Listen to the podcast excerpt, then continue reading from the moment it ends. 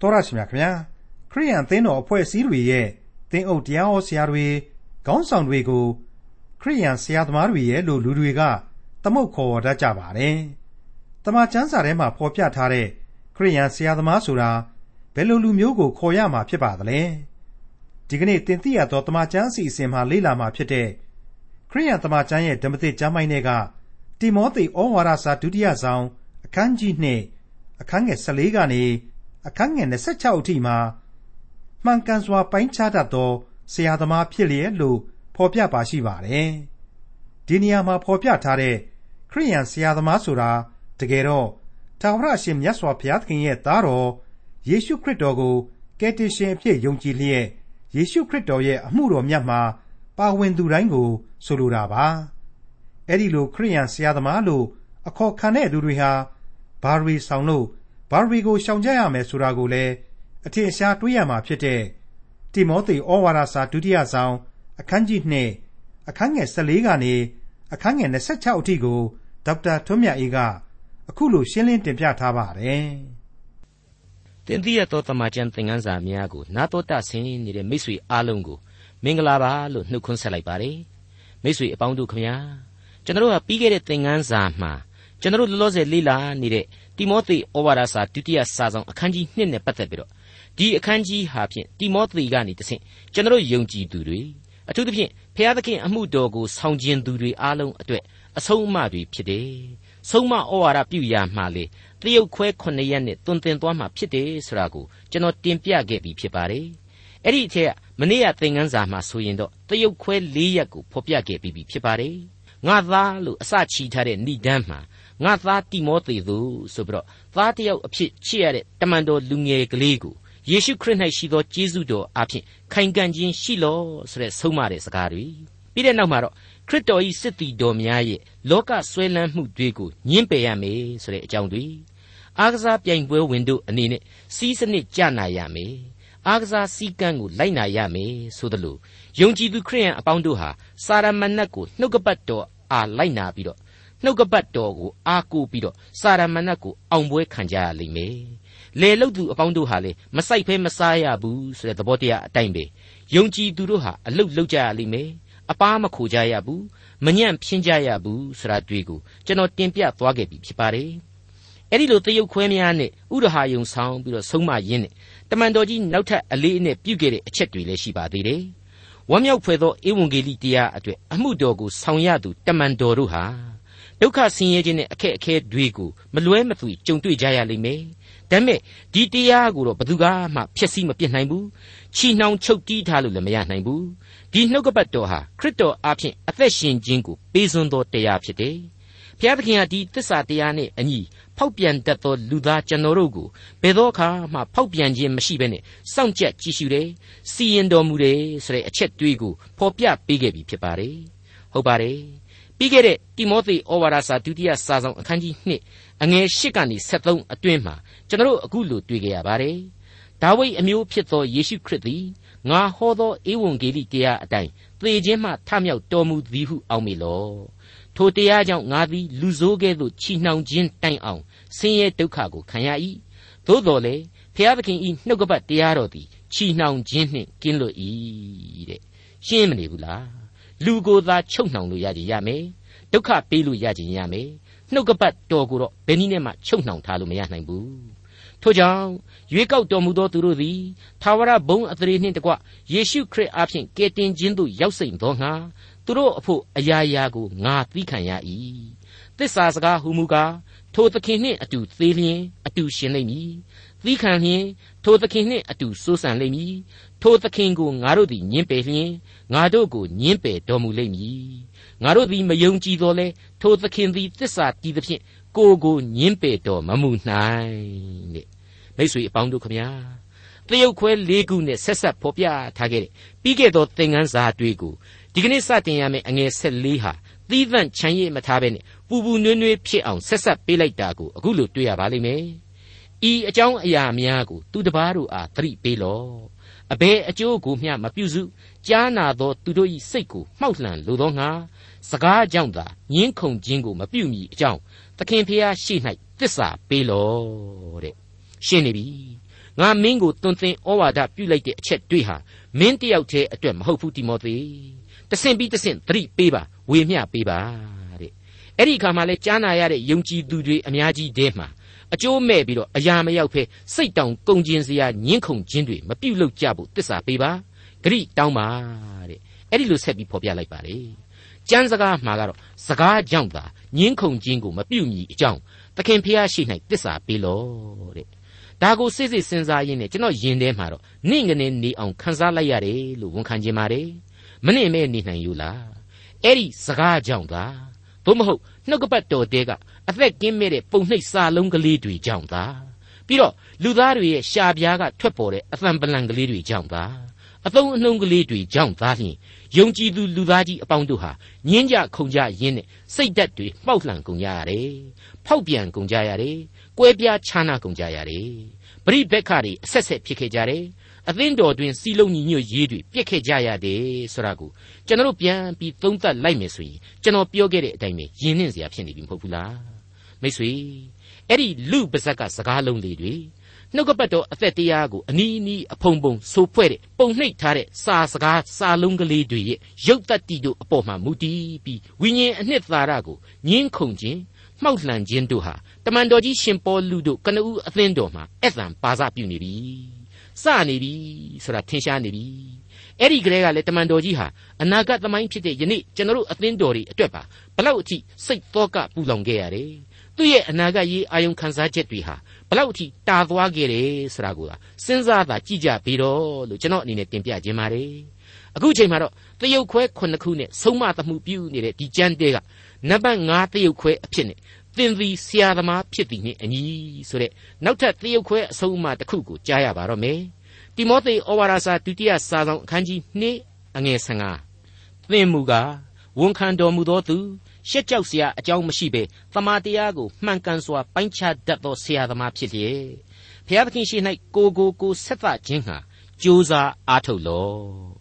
ကျွန်တော်ကဒီအပိုင်းကိုသင်သည်ဆရာသမားဆိုပြီးပြောထားတော့သူများကိုကြီးဆရာလုပ်တဲ့လူတန်းစားဘယ်သူမှတပည့်ခံဖို့မလိုဘူးဆိုတာမျိုးမမှတ်ယူရပါဘူးနော်ဆရာကြီးယူရသံဘာသာပြန်ဆိုတဲ့အတိုင်းဆရာသမားဆိုတာဟာအာစရိယဂိုင်းဝင်ကျောင်းဆရာဓမ္မဆရာတို့ကိုကြည့်ပြောတာမဟုတ် အလုတ်ကြီးလုတ်ကန်ရတဲ့အလုတ်သမားတိုင်းကိုရည်ညွှန်းပါတယ်တာဝန်ရှိပုဂ္ဂိုလ်တိုင်းဆိုတဲ့သဘောပါအင်္ဂလိပ်ကျမ်းမှာကတော့ workman လို့ဖော်ပြထားတဲ့အတွက်အဲ့ဒီအချိန်မှာတမန်တော်သင်းအုပ်တစ်ပါးဖြစ်တဲ့တိမောသေအပါအဝင်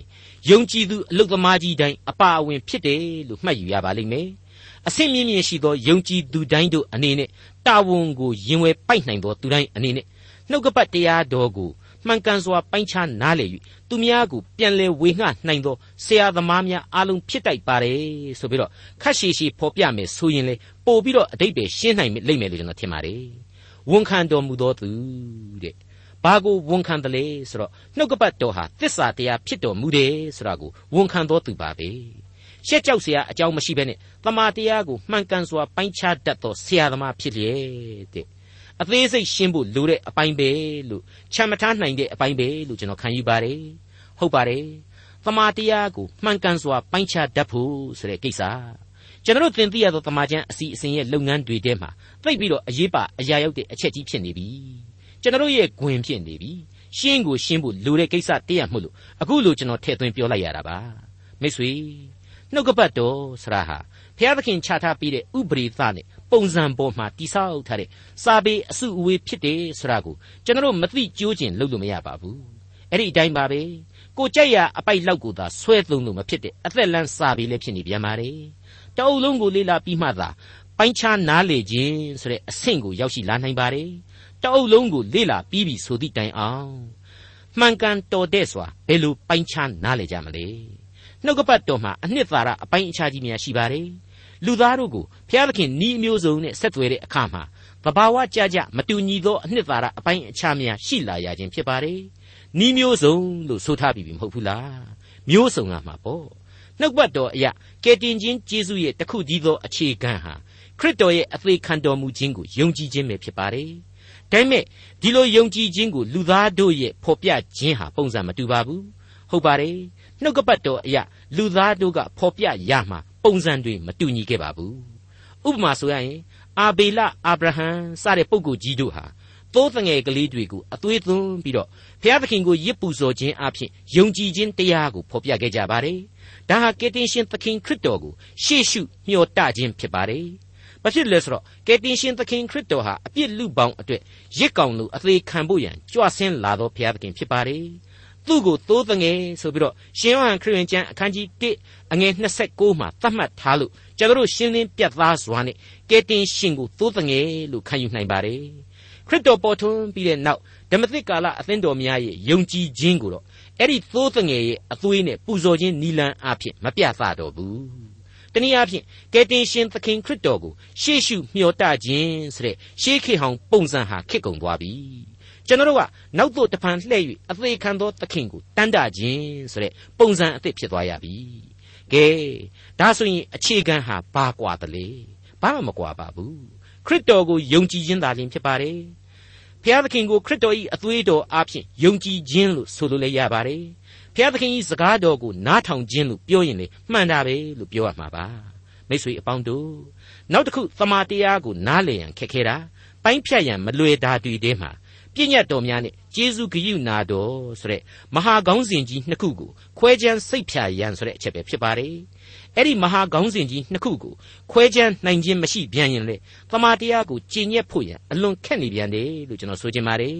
မိတ်ဆွေအပေါင်းတို့နှုတ်ကပတ်တော်သမာတရားဆိုတာဟာအသက်လမ်းဖြစ်ပါတယ်နည်းနည်းခက်ခဲခြင်းတွေလည်းအများကြီးရှိပါတယ်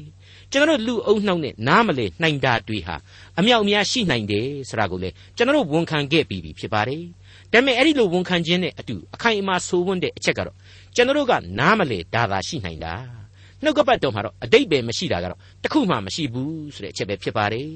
အခုတမန်တော်ကြီးဟာတိမောသေကအစ workman လို့ခေါ်တဲ့အလုပ်သမားလူဒန်းစားအားလုံးကိုမှာကြနေပါတယ်သင်မူကားဝန်ခံတော်မူသောသူရှက်ကြောက်စရာအကြောင်းမရှိဘဲသမာတရားကိုမှန်ကန်စွာပိုင်းခြားတတ်သောဆရာသမားဖြစ်လေဘုရားသခင်ရှိ၌ကိုကိုကိုဆက်သခြင်းဟာ ကြိုးစားအားထုတ်လော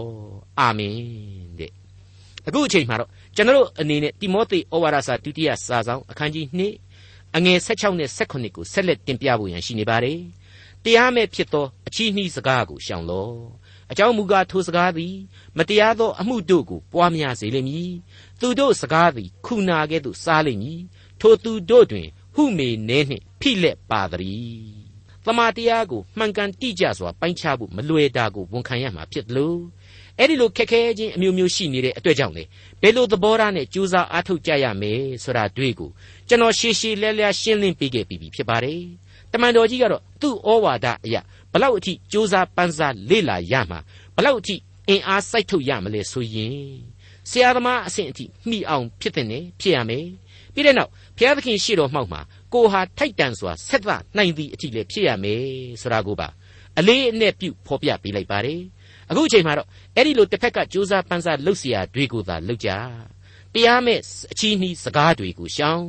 အဲ့ဒီစကားတွေဟာမဟုတ်တန်တရားတွေကိုသာပွားများစေလိမ့်မယ်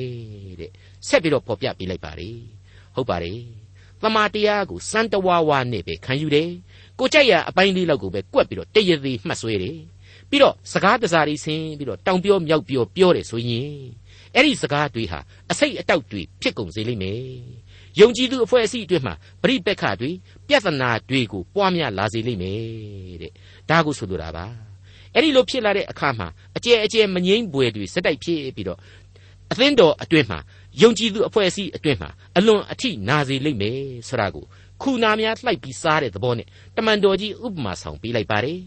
အဲ့ဒီလိုအသင်းတော်တွင်မှာဂျိုးမှွေခဲ့တဲ့လူနှစ်ယောက်ရှိတာကိုလေတမန်တော်ကြီးဖော်ပြပေးတော့ပေးလိုက်ပါတယ်သူတို့ကတော့မေနဲနဲ့ဖိလဲဆိုတဲ့လူတွေဖြစ်ကြပါတယ်တဲ့ယုံကြည်ခြင်းတရားကိုအမှန်တကယ်ထိခိုက်နစ်နာအောင်လုပ်နိုင်တာကတော့မယုံကြည်သူတွေမဟုတ်ပါဘူးနော်ယုံကြည်ပြီးသားလူတွေဟာပိုးပြီးတော့ယုံကြည်ခြင်းကိုရုပ်ပြက်ဆင်းပြက်လုပ်နိုင်တယ်ဆိုတာကိုသတိရစေဖို့ဒီနေရာမှာအထူးပဲအရေးကြီးလာပါတယ်တိမောသေဩဝါဒစာဒုတိယစာဆောင်အခန်းကြီး2အငယ်16နဲ့19သူတို့က သေလွန်သောသူတို့သည်ထမြောက်ကြပြီဟုပြောလျက်တမာတရားလမ်းမှလွှဲသွား၍အချို့သောသူတို့၏ယုံကြည်ခြင်းကိုမှောက်လှန်တတ်ကြ၏သို့တော်လည်းသခင်ဖျားသည်မိမိလူတို့ကိုသိကျွမ်းတော်မူ၏ဟု၍၎င်းသခင်ဖျား၏နာမတော်ကိုဝန်ခံသောသူမည်သည်ကမတရားသောအမှုကိုရှောင်ရမည်ဟု၍၎င်းတစိ့ခတ်လျက်ရှိသောဖျားသခင်၏တိုက်မြစ်သည်ခိုင်ခံ့၍တည်၏ဘလောက်ထူးဆန်းတယ်လေပုံစံတွေကသာမတူတာအသင်းတော်ယုံကြည်သူတွင်မှာ အစွန်းရောက်စေတာကတော့အတူတူပဲနော်အသင်းတော်ရဲ့လို့စတင်ဖြစ်ပေါ်ပြီးတော့နှစ်ပေါင်း30ခန်းလောက်အတွင်းမှာပဲခရစ်တော်ရှင်ပြန်ထမြောက်တယ်လို့သေပြီးတော့ရှင်ပြန်ထမြောက်တာရှိနေပြီဆိုတဲ့အစွန်းရောက်အယူအဆတွေပေါ်နေပြီဆိုတာဟာတွေ့ရတယ်ဟုတ်ပါတယ်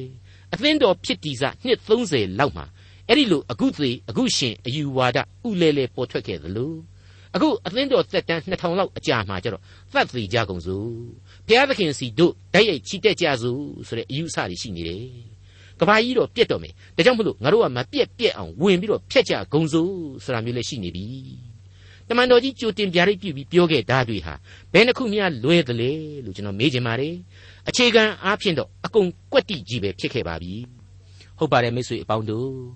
တမန်တော်ကြီးရှင်ပေါလုရဲ့အုံနောက်ကိုအသုံးပြုပြီးတော့တန်ရှင်းသောဝိညာဉ်တော်ဟာဒီကနေ့ကျွန်တော်တို့ယုံကြည်သူအသင်းတော်နဲ့ယုံကြည်သူအဖွဲ့အစည်းများကိုသွေးစည်းညီညွတ်ကြဖို့ နှုတ်ကပတ်တော်သမာတရားအတိုင်းကြင့်ကြံလိုက်နာကြဖို့ ਨੇ ယုံကြည်ခြင်းတရားမှာခိုင်ခံ့မြဲမြံကြဖို့သွေးစည်းညီညွတ်ကြဖို့ဆုံးမဩဝါဒပြုလျက်ရှိနေတယ်လို့ကျွန်တော်ခံယူမိပါတယ်မိတ်ဆွေအပေါင်းတို့အဲ့ဒီလိုလေးလံတဲ့ဖော်ပြချက်တွေအပြီးမှာတော့ဘာပဲပြောပြောကျွန်တော်တို့အတွက်အလွန်အားတက်ခြင်းစရာဝန်တာစရာကောင်းတဲ့တစ္ဆာတရားအမှန်တစ်ခုကိုတမန်တော်ကြီးထည့်သွင်းပေးလိုက်ပြန်ပါတယ်ဒါဟာဘုရားသခင်ရဲ့ကျေးဇူးတော်ကိုချီးမွမ်းရမယ့်အပိုင်းပါပဲသို့တော်လေ သခင်ဖျားသည်မိမိလူတို့ကိုသိကျွမ်းတော်မူ၏ဟု၍၎င်းသခင်ဖျား၏နာမတော်ကိုဝန်ခံသောသူမည်သည်ကမတရားသောအမှုကိုရှောင်ရမည်ဟု၍၎င်းတစိ့ခတ်လျက်ရှိသောဖျားသခင်၏တိုက်မြစ်သည်ခိုင်ခံ့၍တည်၏တဲ့အလွန်အလွန်ကောင်းမြတ်တဲ့ဖော်ပြချက်အသေးဆွဲလောက်တဲ့တရားစကားပါပဲအသင်းတော်အဖွဲ့အစည်းမှန်သမျှနဲ့သက်ဆိုင်ခြင်းရှိနေပါတယ်ခရစ်တော်ကိုယုံကြည်သူတဦးတယောက်စီတိုင်းနဲ့လေပတ်သက်နေတယ်လို့ကျွန်တော်လေးနဲ့စွာဆိုပြရစီသို့တော်လေ သခင်ဖျားသည်မိမိလူတို့ကိုသိကျွမ်းတော်မူ၏ဟု၍၎င်းသခင်ဖျား၏နာမတော်ကိုဝန်ခံသောသူမည်သည်ကမတရားသောအမှုကိုရှောင်ရမည်ဟု၍၎င်း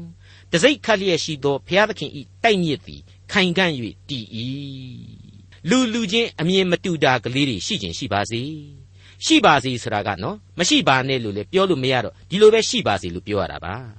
အမြင်မတူအယူအဆမညီဘယ်လိုပဲဖြစ်ဖြစ်ဘာတွေပဲဘလောက်ပဲကွဲပြားခြားနာခြင်းရှိနေနေ အဲ့ဒါတွေကိုခိတ္တခဏမေ့လိုက်ပြီးတော့အခုဖော်ပြချက်ကိုသာအာမင်လို့တူပြိုင်ကြွေးကြော်ရင်းနဲ့ဘုရားသခင်ရှေ့မှာအာမဘန်းတီခံကြပြီတော့လို့ကျွန်တော်ဆိုချင်ပါတယ်ကေသခင်ဘုရားသည်မိမိလူတို့ကိုတည်ကျွမ်းတယ်တဲ့နှစ်သခင်ဖျား၏နာမတော်ကိုဝန်ခံသောသူသည်မတရားမှုကိုရှောင်တဲ့သုံးတစိ့ခတ်လျက်ရှိသောဖျားသခင်တိုက်မြစ်သည်ခိုင်ကန့်တည်တံ့မြဲမြံ၏တဲ့မိတ်ဆွေအပေါင်းတို့ခမညာ တရုတ်ခွဲခုနှစ်ခုနဲ့ဩဝါဒပြုနေတဲ့နေရာမှာအခုဆိုရင်အမှတ်စဉ်6အဖြစ်တန်ရှင်းသောတစားဆိုတဲ့ဥပမာနဲ့တမန်တော်ကြီးဆက်လက်ဖော်ပြပေးပါတော့မယ်တိမောသေဩဝါဒစာဒုတိယစာဆောင်အခန်းကြီး2အငယ်20နဲ့21ကြီးစွာသောအိမ်၌ရွှေတစားငွေတစားသာရှိသည်မဟုတ်တစ်သားတစားမြေတစားရှိ၏အသရေရှိသောတစားအသရေမရှိသောတစားရှိ၏ တို့ဖြစ်၍အထက်ဆိုခဲ့ပြီးသောအကျင့်တို့ကိုပယ်၍မိမိကိုစင်ကြယ်စေသောသူမည်သည်ကအသရေရှိသောတစားတန်ရှင်း၍အိမ်ရှင်သုံးစရာကောင်းသောတစားကောင်းသောအမှုများအဖို့အလို့ငှာပြင်ဆင်သောတစားဖြစ်လိမ့်မည်ဒီနေရာမှာတစားဆိုတာကတော့တစားဆင်သောအရာအကုန်လုံးအကျုံးဝင်ပါတယ်အသုံးချပစ္စည်းများအလုံးအထောက်အကူပြုပေးရသောအရာများအလုံးကိုဆိုလိုခြင်းဖြစ်ပါတယ်အင်္ဂလိပ်လိုကတော့ vessel လို့ခေါ်ပါတယ်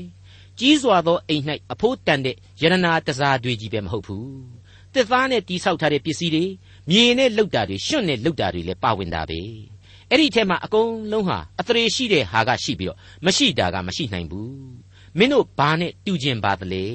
တဲ့။တမန်တော်ကြီးအဲ့ဒီတိုင်မိကွန်းထုတ်လိုက်တာပါ။ကြီးစွာသောအိမ်ဆရာဟာအသင်းတော်အဖွဲ့အစည်းကိုကြီးဆိုလိုတာမဟုတ်နိုင်ပါဘူးဖျားသခင်ကကိုယ့်ကိုရှင်သန်စေတဲ့ကမ္ဘာလောကကြီးထဲမှာ ယက်တီရှင်သန်နေရသူကိုဟာဘယ်လိုလူမျိုးဖြစ်သင့်ပါသလဲဆိုတာကိုခံယူနိုင်ဖို့အတွက်ဆုံးမနေတာပဲဖြစ်ပါတယ်။ရွှေဖြစ်ရမယ်၊ငွေဖြစ်ရမယ်၊တစ်သားဖြစ်ရမယ်၊မြေသို့မဟုတ်ရွှန့်ဖြစ်ရမယ်ဆိုတာဒီတခုမှမပြောပါဘူး။ကိုယ့်ရဲ့အခြေခံဘဝအလိုတော်အတိုင်းအရှိအရှိအတိုင်းပဲပေါ့။ဘုရားသခင်ဖန်ဆင်းပေးထားတဲ့အခြေခံဘဝအတိုင်းပဲပေါ့။ဒါပေမဲ့အရေးကြီးတာကတော့တစ်အသရေရှိဖို့နဲ့နှစ်တန့်ရှင်း၍ဘုရားသခင်အသုံးပြုစရာကောင်းသောတစားဖြစ်ဖို့ပါ တဲ့အဲ့ဒါပါပဲတဲ့မိတ်ဆွေတို့ရွှေတွေငွေတွေနဲ့ထုံမွန်းထားတာကတော့မှန်ပါရဲ့ဘပေကြံတွန့်လိန်ပြီးတော့ဇရွေးစော်နံနေတဲ့ရေခွက်နဲ့မိษွေတို့ရေတောက်ချင်ကြပါသလားအုံမုတ်ခွက်တန်တန်ကလေးနဲ့ပဲသီးသန့်ရေတောက်ချင်ကြပါသလားဆိုတာနဲ့ပဲအဖြေထုတ်ပြီးတော့စဉ်းစားနိုင်ပါတယ်ဖျားသခင်ဟာသူပိုင်တဲ့လူသားကိုသူပိုင်တဲ့မြေဘဝမှာအတရေရှိတာကိုကြိုက်ပါတယ်တန့်ရှင်းတာကိုကြိုက်တဲ့အကြောင်းပြင်းထန်စွာဒီအပိုင်းမှာသတိပေးလျက်ရှိနေပါတယ် တိမောသေဩဝါဒစာဒုတိယစာဆောင်အခန်းကြီး2အငယ်22နဲ့23လူပြိုတို့ဤတက်မဲ့ခြင်းကိလေသာစိတ်ကိုကျင်ဆောင်လော့ဖြောင့်မတ်ခြင်းတစ္ဆာရှိခြင်းချစ်ခြင်းစင်ကြယ်သောစိတ်ရှိ၍သခင်ဖျားကိုပတနာပြုသောသူတို့နှင့်အသင့်အတင့်နေခြင်းတို့ကိုမှီအောင်လိုက်လော့မိုက်မဲ၍ပညာကင်းသောပု္ပ္ပာအမေတို့သည်ရံပွားစေတတ်သည်ဟုသိမှတ်၍ပယ်ရှားလော့ လူပြိုလေးတယောက်ဖြစ်တဲ့တိမောသေကိုနဖူးစီတတ်ထတဲ့မေတ္တာဩဝါဒကထာလို့ဆိုခြင်းပါတယ်ကျွန်တော်ယုံကြည်သူခရိယန်အိမ်တောင်ကမိဘတိုင်းတို့ရဲ့သားသမီးများအပေါ်မှာဆုံးမတဲ့အသံတွေကိုလေပြန်ပြီးတော့ပဲ့တင်ထမ်းမြကြားရောက်စေပါတယ်ဓမ္မသီချင်းလေးတစ်ပုဒ်မှာမိတ်ဆွေတို့ကြားဘူးမှာပါနော်သီချင်းအမှတ်233မှာမိတ်ဆွေတို့ဖွင့်ကြည့်ကြပါကိုတော်အားအကောင်းဆုံးကိုပေးပါကျူးတဲ့ဒါကျွန်တော်ငငယ်တုန်းက CE တို့စ조사ချင်းအသင်းတို့ လူငယ်အဖွဲ့အစည်းတွေမှာအများဆုံးဆိုတဲ့တခြင်းလေးတစ်ပုဒ်ဖြစ်ခဲ့ပါတယ်ပြိုရွယ်စဉ်ခါသင်ဤခွန်အားကိုတော်ရှင်အားပူဇော်ပါတစ္ဆာဘက်မှစစ်တိုက်သောခါဝိညာဉ်စိတ်အားကြီးခြင်းပြယေရှုရှင်သည်ပြိုရွယ်စဉ်ခါပြသောပုံစံကိုလိုက်ပါတစ္ဆာနှင့်မှုတော်ဆောင်ရွက်ပါအမျက်ဆုံးသာပူဇော်ပါတဲ့တခါအဲ့ဒီဒီချင်းရဲ့ထတ်ဆိုရန်ကြတော့ပြိုရွယ်စဉ်ခါသင်ဤခွန်အားကိုတော်ရှင်အားပူဇော်ပါကဲတင်ခြင်းစစ်တစားဆင်ပါ တစ္ဆာဘက်ကဝင်တိုက်ပါတဲ့ဒါဟာအခုတိမောသေဩဝါဒစာဒုတိယစာဆောင်ကျွန်တော်တို့လေ့လာနေတဲ့အခန်းကြီးတွေကတမန်တော်ကြီးရှင်ပေါလုရဲ့တိုက်တွန်းချက်တွေနဲ့ဘာမှမကွာပါဘူးဒီတိုင်းပါပဲ136ခုမြောက်သောဆာလံအငယ်9ကနေ16အတွင်းမှာအခုလိုဒါဝိမင်းကြီးဆိုဖွဲ့ခဲ့တာရှိပါတယ်လူပြိုသည်မိမိသွားသောလမ်းကိုအဘယ်သို့တန့်ရှင်းစေနိုင်ပါမည်နည်းဟုမူကားနှုတ်ကပတ်တော်အတိုင်းသတိပြုရမည်အကျွန်ုပ်သည်ကိုတော်ကိုစိတ်နှလုံးအကျွမ်းမဲ့ရှာပါ၏ ပြည့်ညတ်တော်လမ်းမှလွဲစီတော်မမူပါနှင့်ကိုတော်ကိုမပြစ်မှားဘဲနေနိုင်မည်အကြောင်းဗျာဒိတ်တော်ကိုနှလုံးထဲမှသိုထားပါပြီ။အိုးထာဝရဖေဟာကိုတော်သည်မင်္ဂလာရှိတော်မူ၏အထုံးအဖွဲ့တော်တို့ကိုအကျွန်ုပ်၌သွန်သင်တော်မူ၏စီရင်တော်မူရာနှုတ်တော်အတွက်အလုံးစုံတို့ကိုအကျွန်ုပ်သည်ကိုနှုတ်နှင့်ဟောပြောပါ၏ခသိန်းသောစည်းစိမ်ဥစ္စာကိုရပြီတကဲ့သို့တက်သည်ခံတော်မူရာလမ်း၌ဝမ်းမြောက်ပါ၏ ပေးတော်မူသောဩဝါဒကိုဆင်ခြင်၍လမ်းခရီးတော်တို့ကိုကြည့်ရှုပါ၏အထုံးအဖွဲ့တော်တို့၌မွေ့လျော်ပါ၏နှုတ်ကပတ်တော်ကိုမမှတ်ဖဲမနေပါတဲ့အဲ့ဒီလိုဖော်ပြထားခြင်းဖြစ်ပါလေမိတ်ဆွေအပေါင်းတို့ခမညာတိမောသေဩဝါဒစာဒုတိယစာဆောင်အခန်းကြီး2အငယ်24ကနေ26ကိုဆက်ဖို့ရှိပါတယ်အဲ့ဒီအပိုင်းကိုတော့ဒီအခန်းကြီးတွေကနံပါတ်9ခုမြောက်သောနောက်ဆုံးသရုပ်ခွဲအဖြစ် ဖျားသခင်အစီကံဆိုတဲ့အချက်ပေါ်မှာမူတည်ထားတဲ့အဆုံးအမလို့ကျွန်တော်တို့မြင်နိုင်ပါလိမ့်မယ်ဖျားသခင်ရဲ့ကျွန်တယောက်သို့မဟုတ်အစီကံတယောက်ဟာဖျားသခင်ရဲ့မေတ္တာတော်ကိုမမှီနိုင်ပေမဲ့ရောင်ပြန်တော့ဟတ်ကိုဟတ်ပေးရလိမ့်မယ်ဖျားသခင်ဖန်ဆင်းထားတဲ့မြေပေါ်မှာဖျားသခင်ဆောင်ကျင်းစေခြင်းတဲ့မေတ္တာအလင်းကိုဆောင်ကျင်းပေးရလိမ့်မယ်ဖျားသခင်ဟာလူသားတိုင်းအတွက်ဖြစ်တယ်သူ့ရဲ့ကယ်တင်ခြင်းကျေးဇူးကိုခံစားရသူအမှုတော်ဆောင်တယောက်ဟာသူ့ရဲ့ကျေးဇူးတော်နဲ့ဝေနေသူ ကျေးဇူးတော်ကိုမသိသူတို့ကိုကျေးဇူးပြန်လေပြုတ်ပေးဖို့တာဝန်ရှိတယ်ကျေးဇူးတရားနဲ့နီးစပ်အောင်ပြန်ပြီးတော့ဆက်ဆက်ပေးဖို့တာဝန်ရှိတယ်ဆိုတဲ့အချက်တွေးကိုကျွန်တော်နားလည်ပြီးသားဖြစ်ပါတယ်စာရမဏမင်းလွှမ်းမိုးရာကမ္ဘာလောကမှာအမှုတော်ဆောင်အပေါင်းတို့ရဲ့လေးနဲ့လှတဲ့တာဝန်ဟာဘလောက်အထိအကျိုးပြုတာဝန်ဖြစ်တယ်ဆိုတာကိုပါသိလာစေပါလိမ့်မယ်ဟုတ်ပါတယ်တမန်တော်ကြီးဟာအခုလိုဆက်လက်ပြီးတော့ဆုံးမဩဝါဒပြုပေးလိုက်ပါတယ် တိမောသေဩဝါဒစာဒုတိယစာဆောင်အခန်းကြီး2အငယ်24မှ26သခင်ဖျားဤကျွန်သည်ယံမတွေ့ရခသိန်းသောသူတို့အားဖြင်းညင်းစွာပြုတော်သူဆုံးမဩဝါဒပေးခြင်းအမှု၌လိမ္မာသောသူသီးခံနိုင်သောသူဖြစ်ရမည်စီတာညင်းခုန်သောသူတို့ကိုနူးညံ့သိမ်မွေ့စွာဆုံးမရမည်သမာတရားကိုဝန်ခံခြင်းအလို့ငှာနောင်တကိုဘုရားသခင်ပေးကောင်းပေးတော်မူ၍မာန၏အလိုအတိုင်းဖမ်းမိသောထိုသူတို့သည်သတိရ၍ ထိုဖမ်းမိရာမှလွတ်ချင်းသို့ရောက်ကောင်းရောက်ကြလိမ့်မည်မိတ်ဆွေတော်တတ်ရှင်အပေါင်းတို့ခမညာဒီကျမ်းရဲ့အစပိုင်းမှာတုန်းကယေရှုခရစ်၏စစ်သူရဲကဲ့သို့ဒုက္ခခံယူနိုင်ရမယ်စွန့်လွတ်အနစ်နာခြင်းခံရမယ်လောကစည်းစိမ်သာယာခြင်းတွေကိုညှင်းပယ်နိုင်ရမယ်ဆိုတာဒီကိုဖော်ပြခဲ့ပြီးဖြစ်ပါတယ်ပြီးတဲ့နောက်အေဖက်ဩဝါဒစာအခန်းကြီး6အရာကြည့်လိုက်မယ်ဆိုရင်လေခရိယန်တို့ရဲ့လက်နက်စုံတွေကိုတက်ဆင်ရမယ်ဆိုတဲ့အချက်တွေကိုလေကျွန်တော်တို့တွေ့ကြရပြီဖြစ်ပါတယ် အခုအချိန်မှဆက်လက်ဖော်ပြလိုက်တာကတော့ယံမတွေ့ရတဲ့ပြီးတော့နူးညံ့သိမ်မွေ့စွာလဲဆုံးမရမယ်တဲ့ဒါဆိုရင်ကျွန်တော်တို့နှုတ်ကပတ်တော်ရဲ့ဩဝါဒအသီးအသီးကိုဘယ်လိုဆက်ဆက်ပြီးတော့တွေးခေါ်ကြမှာလဲစာရမဏတ်နဲ့သူ့ရဲ့နှောင်ကြိုးတို့ကိုခရစ်တော်အဖင်အနိုင်တိုက်ဖြတ်ရတဲ့အသက်တာမှာကိုဟာကျေးဇူးတော်ကြောင့်သာအောင်မြင်လွတ်မြောက်ရခြင်းဖြစ်တယ်ဒီကျေးဇူးတရားကိုနားလည်မယ်ဆိုလို့ရှိရင်ကိုဟာယံမတွေ့ရဘူး နူးညံ့သိမ်မွေ့စွာနဲ့ဆုံးမတတ်ရမယ်မေတ္တာတရားကိုရောင်ပြန်ဟန့်နိုင်ရလိမ့်မယ်အဲ့ဒီလိုကျေးဇူးတော်ကိုနားလေသဘောပေါက်တာနဲ့အမျှခရစ်တော်နဲ့အတူဆက်လက်ပြီးတော့အမှုတော်ကိုမေတ္တာများစွာနဲ့ဆောင်ကျင်းကြရမယ်ဆိုတာကိုတမန်တော်ကြီးဒီအပိုင်းမှာအလေးအနက်ပြုဖော်ပြလိုက်ပါတယ်ဒါဟာမဟာလူသားရဲ့ဖျားပြီးတာဝန်ပဲဖြစ်တယ်လို့တင်ပြလိုက်ပါရစေ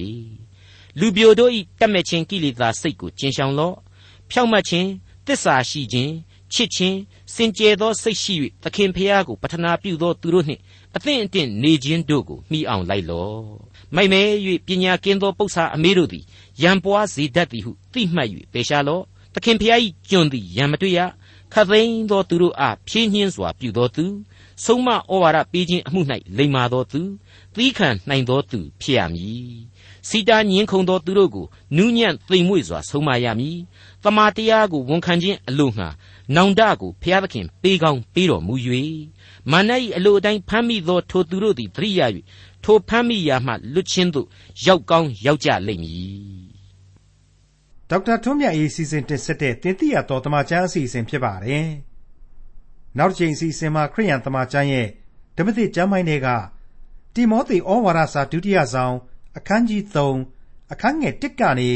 အခန်းငယ်9အထိကိုလေ့လာမှာဖြစ်တဲ့အတွက်စောင့်မျှော်နားဆင်နိုင်ပါတယ်။